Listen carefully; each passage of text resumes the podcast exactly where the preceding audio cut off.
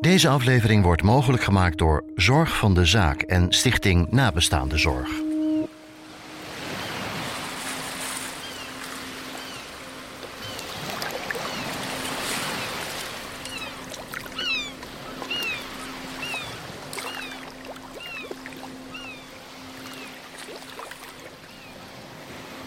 Degene die haar ging vervangen, die zei: "Oh, Jeetje, ik voel me heel lullig dat ik nu nog naast haar zit. Ehm, dus ja, dat is een heel moeilijk proces. Ja.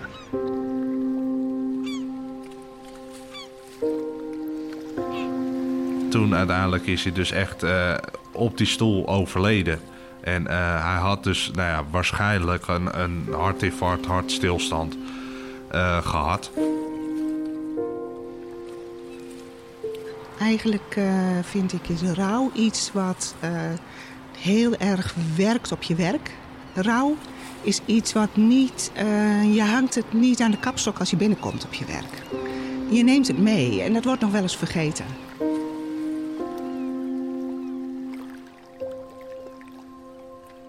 Iedereen heeft er wel eens over nagedacht. Hoe zou het zijn als je man of je vrouw, je vader of je moeder er ineens niet meer is? Op welke manier gaat je leven dan verder als je alleen bent? Hoe zou je dat verwerken? Maar bijna niemand staat erbij stil hoe je de dood zou verwerken van iemand die je soms vaker ziet dan je vader of je moeder.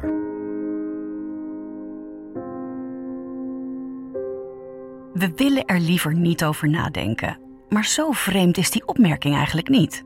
Elke dag, jarenlang achter elkaar, werk je met ze. De dingen die je bezighouden, bespreek je met ze.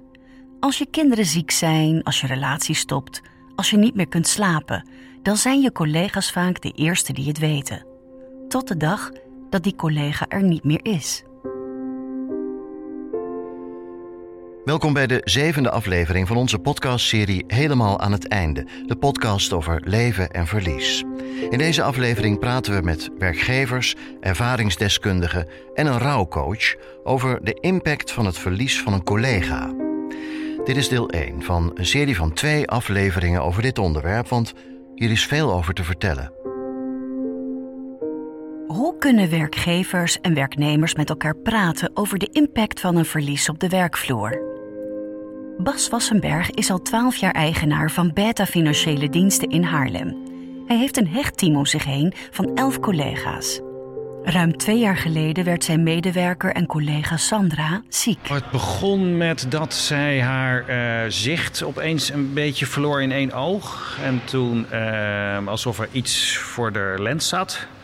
En toen eh, is langs de dokter geweest. En eigenlijk kwam direct de analyse dat er een polyp achter haar oog zat. En, ehm, ehm, en dat is best snel verholpen in een oogziekenhuis in Leiden. En ehm, nou, heel technisch allemaal, maar dat is eh, heel snel verholpen. En toen zeiden ze, nou, het enige wat we moeten hopen is dat het niet te lang heeft gezeten en dat terugkomt. Eh, want als dit terugkomt, dat is heel slecht nieuws. Ehm, maar eigenlijk ging dat eerste traject heel goed. Tot anderhalf jaar later, ze werd op kantoor gebeld. ehm, dat het terug was gekomen in haar lever. En dat het eigenlijk al bijna direct betekende einde oefening.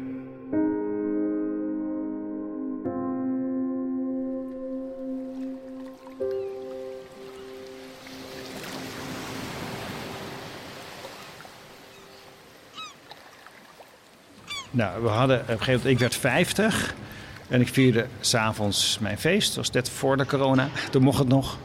En ehm, ik had een heel groot feest bij mij thuis. En ehm, mijn personeel die kwamen met z'n allen. Eh, het was chic aangekleed. En ehm, hoe, eh, nou, hoe dat dan gaat, is dat die middag kreeg Sandra een telefoontje dat ze was uitbehandeld. En die heeft iedereen bijeengeroepen, zij zelf, bij mij op kantoor. En gezegd, jongens, we gaan er vanavond een heel groot feest van maken. Ehm, en ik wil het er niet over hebben. Ehm, ik zeg, ik voel me nu nog best oké. Ehm, en ehm, nou, het is haar laatste feest geweest. Sandra werd door Bas en haar collega's opgevangen in alles wat volgde. Dat was ook belangrijk, want ze wilde zo lang mogelijk blijven werken. Ach jee. Ja, dat, uh, zij heeft ons helemaal meegenomen en, en, en zij is zo stoerwijf geweest in dat traject. Um, en um, het, uh, nou, toen, dat gingen ze kijken hoe ver het allemaal levensverlengend nog zou kunnen. Ze wilde per se blijven doorwerken. Um, dat is heel ingewikkeld als werkgever, want ze kon niet meer 40 uur werken, maar ze wilde het wel. Daar moet je continu keuzes over maken. Um, we wisten dat het eindige was, dus ik moest ook een vervanger gaan vinden. Maar ja, dat is natuurlijk ook tegelijkertijd dramatisch. Van je ga je alvast vervangen. Um, dus dat is zo lastig. Bas en zijn team kozen ervoor om veel met Sandra te praten over de situatie en wat ze nodig had. Zo kon ze bijvoorbeeld aangeven wanneer ze wel en wanneer niet over haar ziekte wilde praten. In die gesprekken kwamen soms ook lastige dilemma's naar voren. Ja, het is lastig. Het is lastig om tegen Sandra te zeggen: ik ga je wel alvast vervangen. Want het bedrijf gaat door. Um, en jij werkt 36 uur in de week. En het gaat heel goed, maar we kunnen niet 36 uur missen. Dus daar moet ik al iemand naast gaan zetten. Maar ja, dat is dus niet de makkelijkste boodschap om te vertellen. Dus dat is heel dubbel. Maar je moet het toch doen. Dus ja, en, en, en je hebt er gelukkig heel weinig ervaring mee. Dit soort problemen. Uh, want het grote probleem is natuurlijk voor haarzelf. Zij is het allerongelukkigste in dit traject. Uh, en toch moet je ook door. Veel werkgevers vinden het lastig om met zoiets om te gaan. Bas ziet ook dat je beide verantwoordelijkheden best kunt combineren: die van collega en werkgever. Ja, je hebt die beide rollen, maar je hebt gewoon ook die beide rollen. En je bent er om er een schouder te bieden voor je personeel. En je hebt de rol dat de winkel door moet, want anders heeft de rest straks geen werk meer. Dus je hebt beide rollen en die moet je beide invullen. En dat kan naast elkaar ook. Ja. Zes weken nadat Sandra hoorde dat ze ongeneeslijk ziek was, overleed zij. Ach, joh, ik, ik, ik, eh, ik, heb het weer zwaar nu. Ja. Um, we hebben een hele mooie herinnering aan Sandra wel, daarmee. Um, en ze hangt ook een grote foto op kantoor. Um, en um, ze is daarna nog, in die paar weken die ze had, nog getrouwd. Um, en ze zou nog een heel groot trouwfeest geven, maar dat heeft ze niet meer gehaald. drie dagen voor haar trouwfeest is ze overleden. ja, drama, ja. en we allemaal realiseren we ook, en we moeten door. Dat zou Sander ook gewild hebben. En ze heeft ook een mooi afscheidskaartje geschreven met uh, ga door, carpe diem. Um, dus uh, ja, we zijn wel heel erg geholpen hoe Sander er zelf mee omging en hoe open ze was.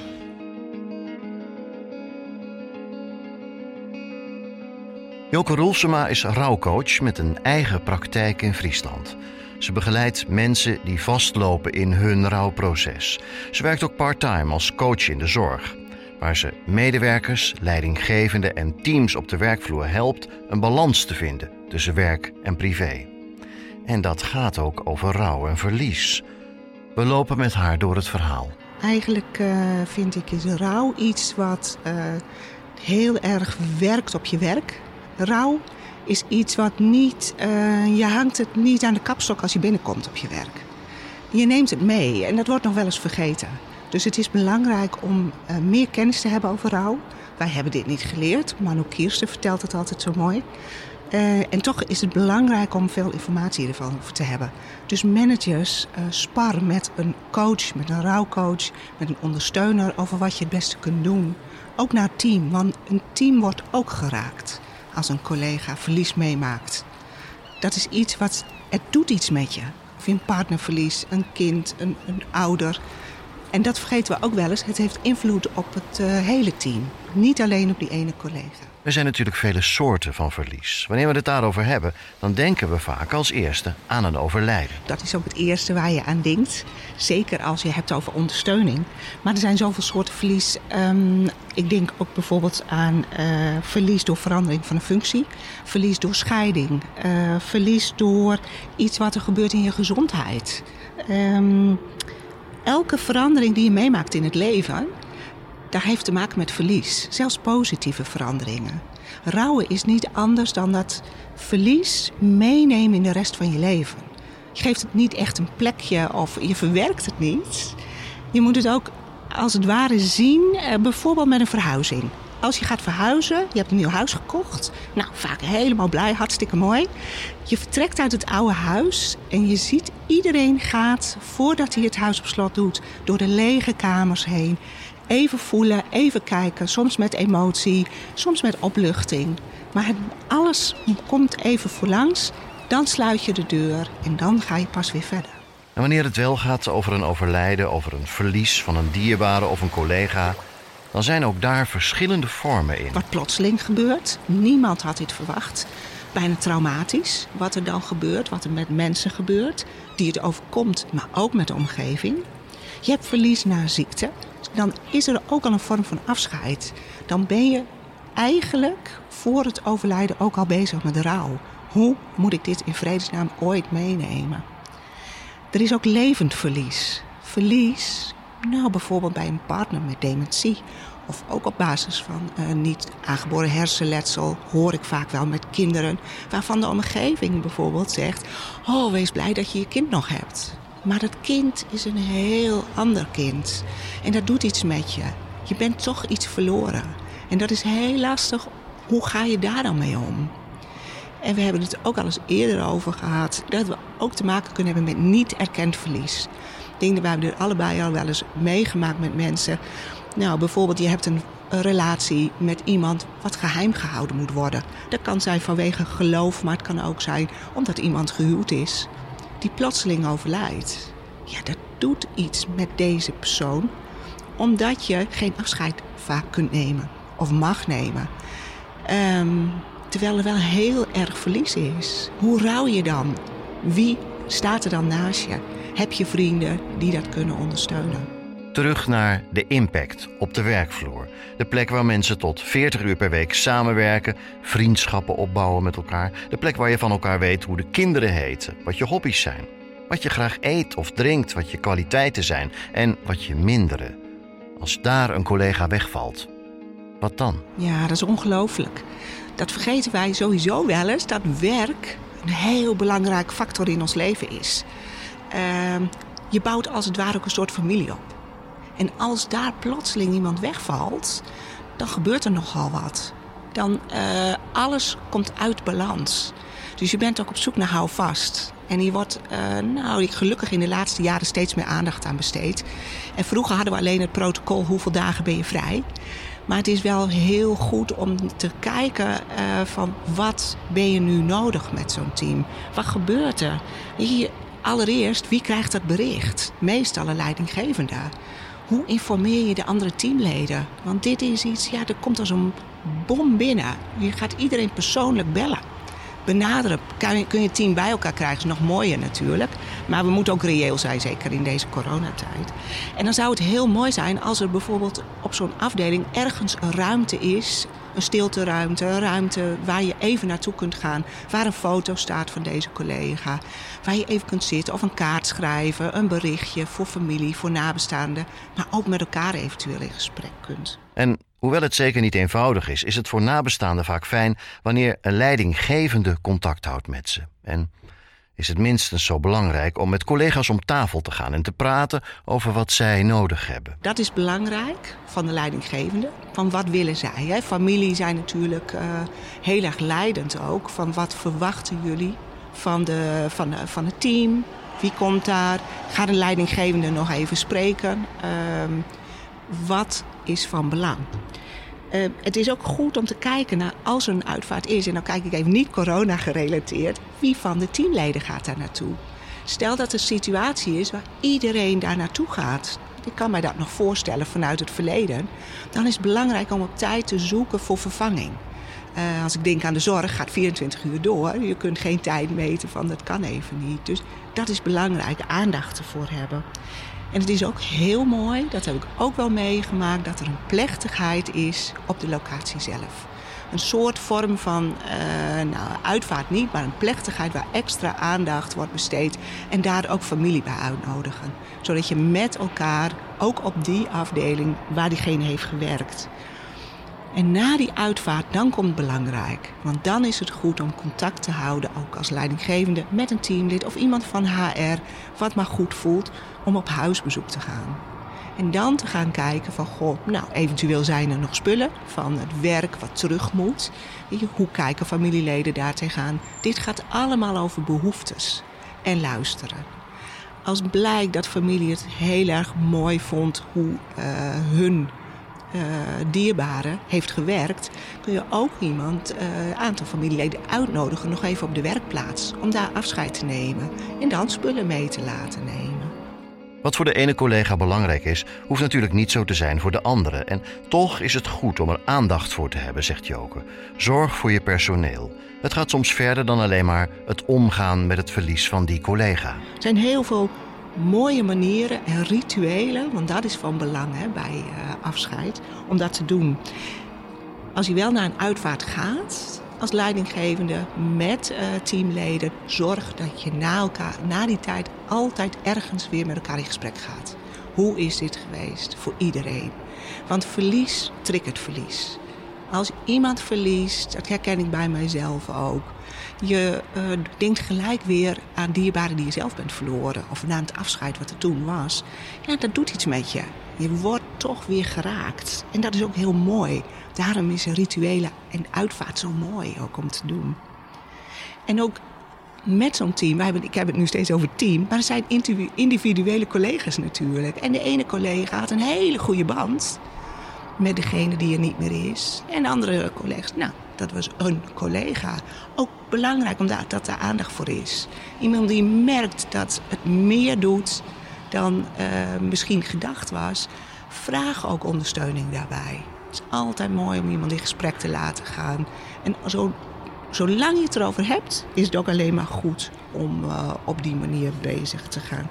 Nou, zo zijn er gewoon een aantal dingen die van belang zijn. Vooral als er dan een nieuwe medewerker komt, denk erom heel goed opvangen. Zowel naar het team, maar ook voor die medewerker. Dat kan best nog even een lastige situatie zijn. Daar moet wel aandacht uh, voor zijn. En de data's, roep ik ook altijd, de kalenderdata. Denk erom dat je de eerste verjaardag, eerste geboortedag, weer even of een kaart stuurt naar familie. Uh, de eerste keer de sterfdag die weer langskomt. Maar ook het kerstpakket. Breng het persoonlijk de eerste keer.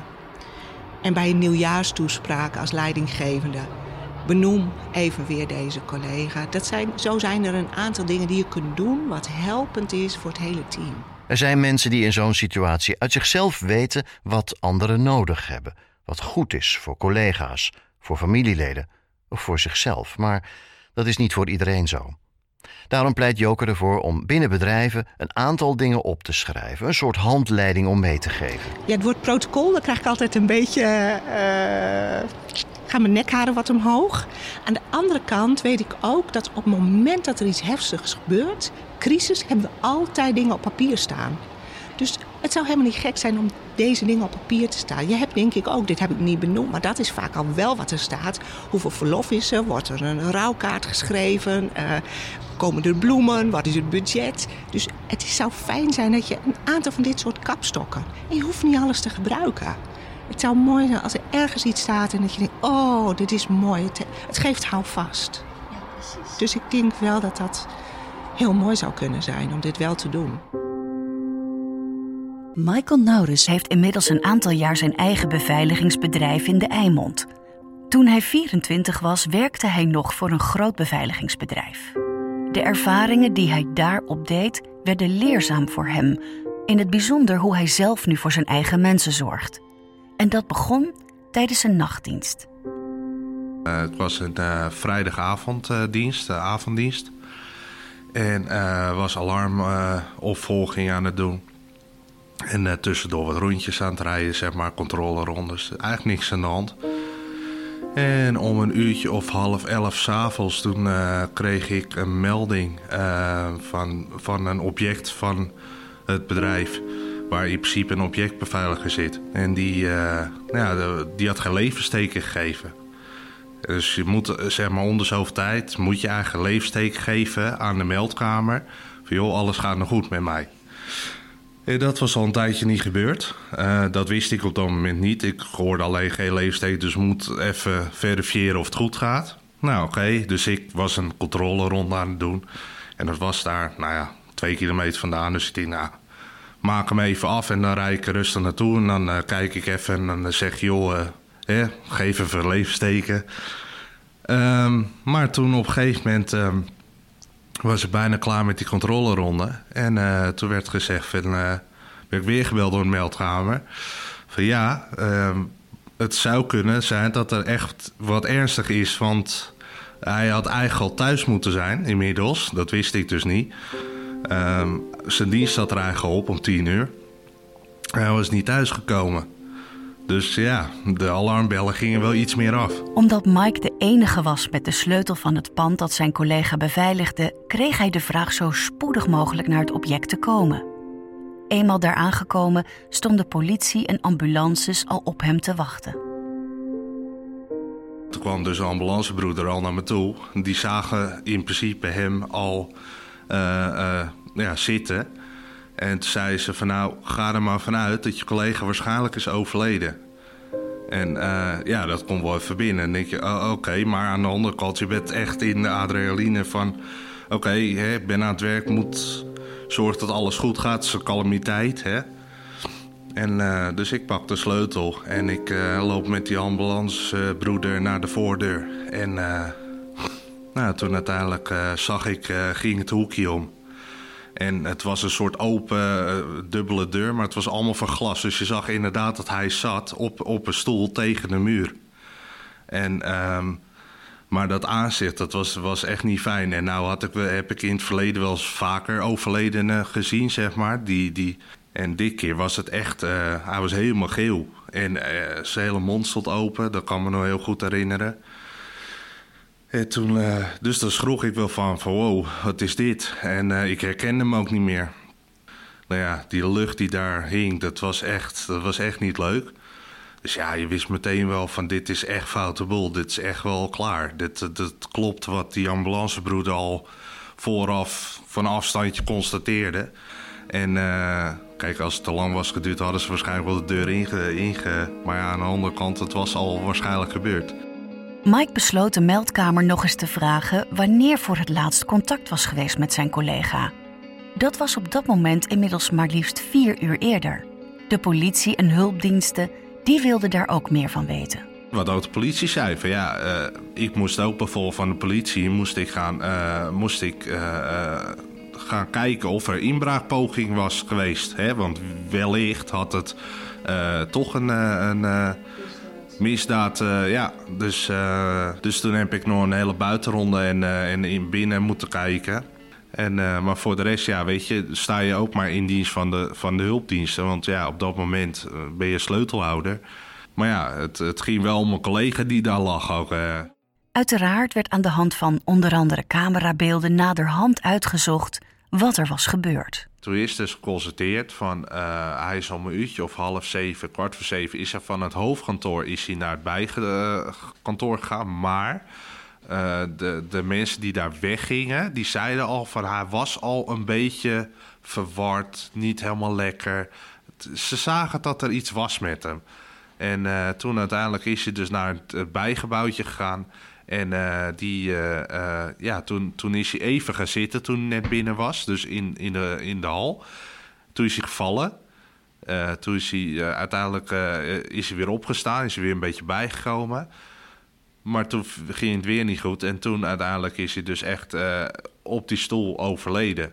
En hij had dus nou ja, waarschijnlijk een, een hartinfarct, hartstilstand gehad.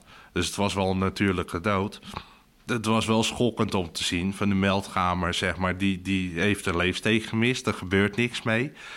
Veel te laat. En, en daardoor was hij al zo geheel, was hij al heel lang overleden. Uh, tuurlijk, uiteindelijk, achteraf gezien, hadden we dus ook met dat leesteken checken om acht uur, hadden we waarschijnlijk niks meer kunnen betekenen. Nou ja, waarschijnlijk laat het waarschijnlijk maar weg. Dat was wel zo, maar ja, het bracht wel nog meer van ja, waarom is er hier zo slecht gereageerd. Dus ik was ook verontwaardigd naar de meldkamer, naar mijn bedrijf ik werkte. Ik dacht van ja, dit kan niet. Dit is onmogelijk. Dit, dit, dit is nou ja, ja, niet menselijk. Dit... Uiteindelijk moest ik daar blijven totdat hij echt weggehaald was. Dat de lijstschouwing was geweest. Dat alles Dus ja, inmiddels, ik zou eigenlijk om een uur of twaalf, half uh, twaalf uur zou ik stoppen. Nou, dat, dat, dat liep natuurlijk uit. En uh, ja, dus ik heb alles meegemaakt. Alles wat daar gebeurde, hoe die geschouwd is. Uh, ja, dus dat zijn best wel dingen. Dat, en toen de tijd was ik ook 4, 25. Dus ja, nog redelijk jong. Um, dus ja, dat, dat heeft wel een impact inderdaad. Dat je denkt, wow. En toen eigenlijk bij het schouwen en, en, en ja, dan, dan gaan ze ook... uh, ze hadden onder andere zijn ideeën zo gekeken. En toen pas kwam ik erachter dat ik die man wel kende. Want en uh, alleen ik kon hem al niet meer herkennen. Zo erg was hij er al aan toe, zeg maar, omdat hij al zo lang lag. Maar toen pas herkende ik hem van, van die idee. En toen dacht ik, wow, is hij dat? En, uh, en nou, uiteindelijk toen, uh, toen de nachtshiftleader, zeg maar, die had ook echt gezegd van... nou, Mike, ga naar huis. En ik was het weekend ook vrij. Uh, maar dat was wel heftig, want het weekend, ik kon echt niet slapen. Ik moest licht aan terwijl ik ging slapen. Ik was echt wel... Uh, ja, ik merkte wel echt dat ik er wel echt wat, wat, wat aan overgehouden had, zeg maar. Dat ik dacht van wow. De politie had hem wel gevraagd of slachtofferhulp hem mocht benaderen... en dat leek hem op dat moment een goed idee. Tijdens het weekend wat volgde bleek dat de dood van zijn collega bij Mike zijn sporen had achtergelaten. Op zaterdag werd hij nog wel gebeld door zijn werk of hij maandag voor de start van opnieuw een avonddienst bij zijn manager langs wilde komen. Het was best wel voor mij ook wel indrukwekkend natuurlijk. Zeker omdat je je eigen tenue bij hem ziet en het is toch wel confronterend. En, uh, maar ja, dus uiteindelijk maandag ook een uh, gesprek gehad met de operationeel manager. Toen heb ik dus gehoord, ja, hij, hij is al wat ouder. Had, eigenlijk was hij al met pensioen. Uh, maar hij wilde gewoon nog werken. En dit was een object zeg maar, wat bij hem onder hoek was. Ja, had hij, had hij eigenlijk een beetje gezegd van ja, had nooit gemogen. En het was tussen neus en lippen van zijn eigen schuld. Dus dat, ja, toen dacht ik van oké, het is toch een werknemer van je. En uh, oké. Maar goed, dat is dan de operationeel manager van de surveillance. Dus die kent hem ook niet persoonlijk. Maar goed, het is wel, hij acteert natuurlijk namens het bedrijf. En, en dan zou je wel iets anders verwachten. En, en, uh, en eigenlijk wat er een beetje uit het gesprek kwam, was voor de rest eigenlijk weinig. Ja, ik heb wel verteld over het weekend. En um, uh, toen zeiden ze eigenlijk van ja, uh, te weinig. Het, het, was meer, het was meer een gesprek van nou ja, oké, dit zijn de feiten, dit, dit is gebeurd. En um, ja, we moeten weer verder. Het betreffende beveiligingsbedrijf heeft het vast niet zo bedoeld, maar Mike kreeg een onveilig gevoel. En niet alleen hij had er last van. Ik en ook mijn collega's zijn echt wel boos geworden van... hoe is dit mogelijk? Met die leefsteken dan, hè? Want in principe als surveillant zijn, rij jij ook met die leefstekers. Ja, toen de tijd ook echt wel verontwaardiging van de collega's ook. Van ja, wat, wat is hier aan de hand? Dit kan niet. Hier moet een onderzoek van uh, komen. Maar ja, omdat ik al zeg, het is een groot bedrijf. Uh, moet stil gehouden worden. En dat idee hadden we allemaal. Toen werd wel gezegd van ja, de meldkamer had uh, beter moeten moet, acteren daarin. Daar gaan we wat aan doen. Het duurde dan ook even voordat Mike over de ergste schrik heen was. Ondanks dat hij in een hal gevonden was, meestal vind je iemand die niet goed is geworden, vind je op de toilet. Toen met die avonddienst had ik inderdaad uh, uh, ook echt uh, ja, daar last van. Toen ik, want als beveiliger moet je in principe ook altijd het toilet natuurlijk controleren. En dus elke keer als ik dat deed, dan had ik wel even op mijn hart zo. Oh, oké. Nou, dat heeft wel één of twee weken geduurd voordat een beetje weg weer. Dus dat, dat was nog wel een dingetje erbij, zeg maar. Uh, gelukkig dat slapen en zo, dat ging wel weer goed. En misschien was juist ook dat ik weer aan het werk ging, was ook wel weer goed voor mij. Het is een les die Mike meeneemt in alles wat hij doet. En in het bijzonder hoe hij het voor zijn personeel goed wil doen. Ik ben nu natuurlijk voor mezelf begonnen. Een van de redenen is dat ik gewoon dingen beter wil doen, inderdaad. Voor Mike was betere begeleiding bij het verlies van zijn collega van belang geweest. Want ook al kende hij hem niet heel goed, hij was wel een collega. De omstandigheden maakten dat hij er nu, zes jaar later, nog altijd verdrietig en met boosheid op terugkijkt hoe zijn werkgever dat toen aanpakte. In de beveiligingsbranche is, zeg maar, is het een harde wereld. Het is echt een harde wereld. Voor mij is het nog wel eens lastig. Uh, qua financieel opzicht. Van, dat, dat, dat ik daar wel eens mee, mee speel van ja, dat is wel lastig. Maar uiteindelijk, uh, als er wat met personeel is, dan zeg ik gewoon van ja, weet je, personeel moet je goed behandelen. Dus bij mij zouden ze wel die ruimte krijgen. En, en ja, in principe ja, er zijn, een aantal voorbeeldjes waarvan ja, uh, eentje onder bewind. Nou, uh, moet je even af en toe een gesprekje. Je, joh, hoe is het met je? Gaat het goed en lukt een beetje? Uh, als een familieaangelegenheid is, dan vraag je daar even naar. Ja, weet je, het zijn voor mij de natuurlijke dingen. En, en dat zou het eigenlijk ook voor de andere bedrijf moeten zijn. En, en als dat betekent dat iemand dan even een dagje ziek is, ja, dan is dat zo.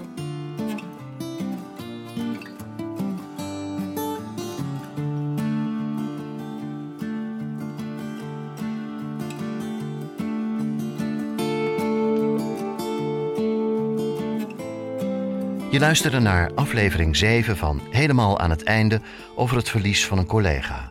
Een podcast van Audiodroom Podcast Producties. Heeft deze aflevering je geraakt of geïnspireerd? Schrijf dan een review in je podcast-app en deel de aflevering met managers, met collega's en met vrienden, zodat ook zij deze podcast kunnen luisteren. Als je je abonneert op deze serie, komen nieuwe afleveringen automatisch in je podcast-app. Wil je meer weten over hoe je als verantwoordelijke beter kunt zorgen voor je medewerkers? Neem dan contact op met bijvoorbeeld Joke Roelfsema. Dat kan via haar website jokeroelfsema.nl. Ze zal je graag meer vertellen. Heb je een verlies geleden en zou je graag met lotgenoten in contact komen? Neem dan contact op met Stichting Nabestaande Zorg. Zij helpen je graag. Helemaal aan het einde is een serie van Audiodroom podcastproducties. Dat zijn Patty Lou, die je al eerder hoorde, en ik, ik ben Richard. Tot de volgende keer.